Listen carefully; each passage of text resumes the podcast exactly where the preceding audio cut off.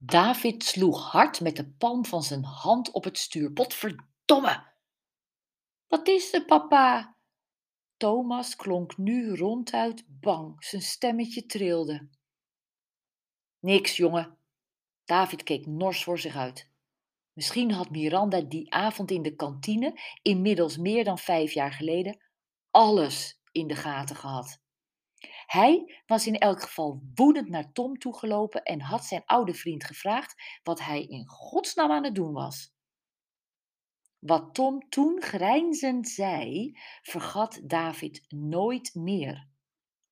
Ach kerel, het was toch tussen ons altijd eerlijk, zullen we alles delen.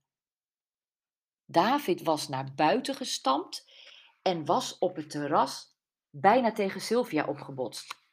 Toen hij haar aankeek, zag hij dat ze huilde. Hij kan er niks aan doen, David, had ze zachtjes gezegd. Het is voor Tom gewoon een spel. Dit meen je niet, had David geroepen. Hij moet met zijn poten van Miranda afblijven. Ik wil hem nooit, maar dan ook nooit meer zien. Dat komt goed uit, want ik vind het hier verschrikkelijk. Sylvia had haar tranen gedroogd en haar lippen gestift.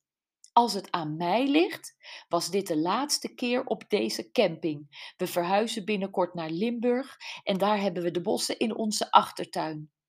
Ze was op haar tenen gaan staan en had haar armen om Davids nek geslagen. Toen ze hem met haar korenblauwe kijkers had aangekeken, had David begrepen wat bedoeld werd met verdrinken in iemands ogen.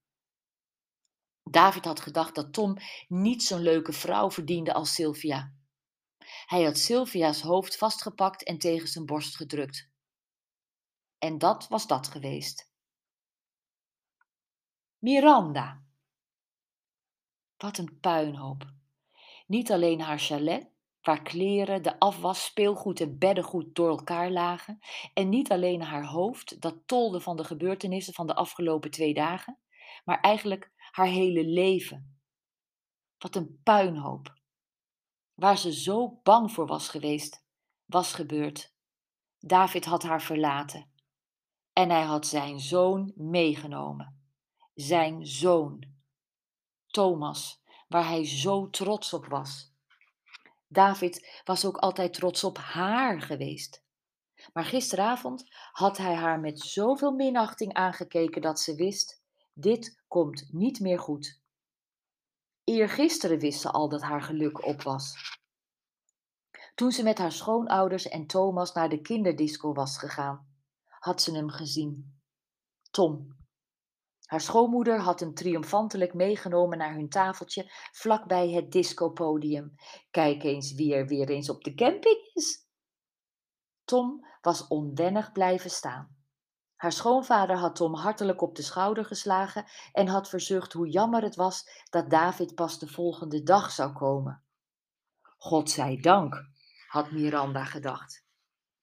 Ze had Tom niet durven aankijken en had alleen maar verlegen naar zijn voeten gestaard, die sokkeloos in modieuze linnen instappers waren gehuld.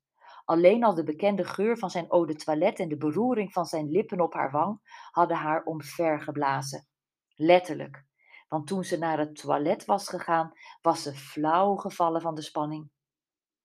Hoe was het mogelijk dat de aantrekkingskracht ruim vijf jaar na zijn eerste aanraking nog steeds bestond? Ze was altijd bang geweest voor de dag dat ze hem weer zou zien en die dag was nu. Waarom was hij naar de camping gekomen? Stanley, de barkeeper, had haar een glaasje water gebracht en haar een briefje overhandigd. Er stond alleen een telefoonnummer op en zij had wel geweten van wie dat nummer was. Toen ze bij haar schoonouders terugkwam, was Tom verdwenen. Je moet de groeten van hem hebben, had haar schoonvader gezegd. Hij moest terug naar zijn vrouw. Ze zijn de caravan van zijn vader aan het opruimen. Die ouwe komt niet meer, want die zit sinds kort in een verzorgingstehuis. Morgenochtend gaan ze naar huis. Ik vroeg of hij David nog wilde zien, maar Tom zei dat het beter was van niet. Haar schoonvader had niet begrijpend zijn wenkbrauwen opgetrokken. En de rest van de avond had ze in haar chalet met het briefje in haar hand gezeten. En toen? had ze het stomste gedaan wat ze kon doen. Ze had Tom een appje gestuurd.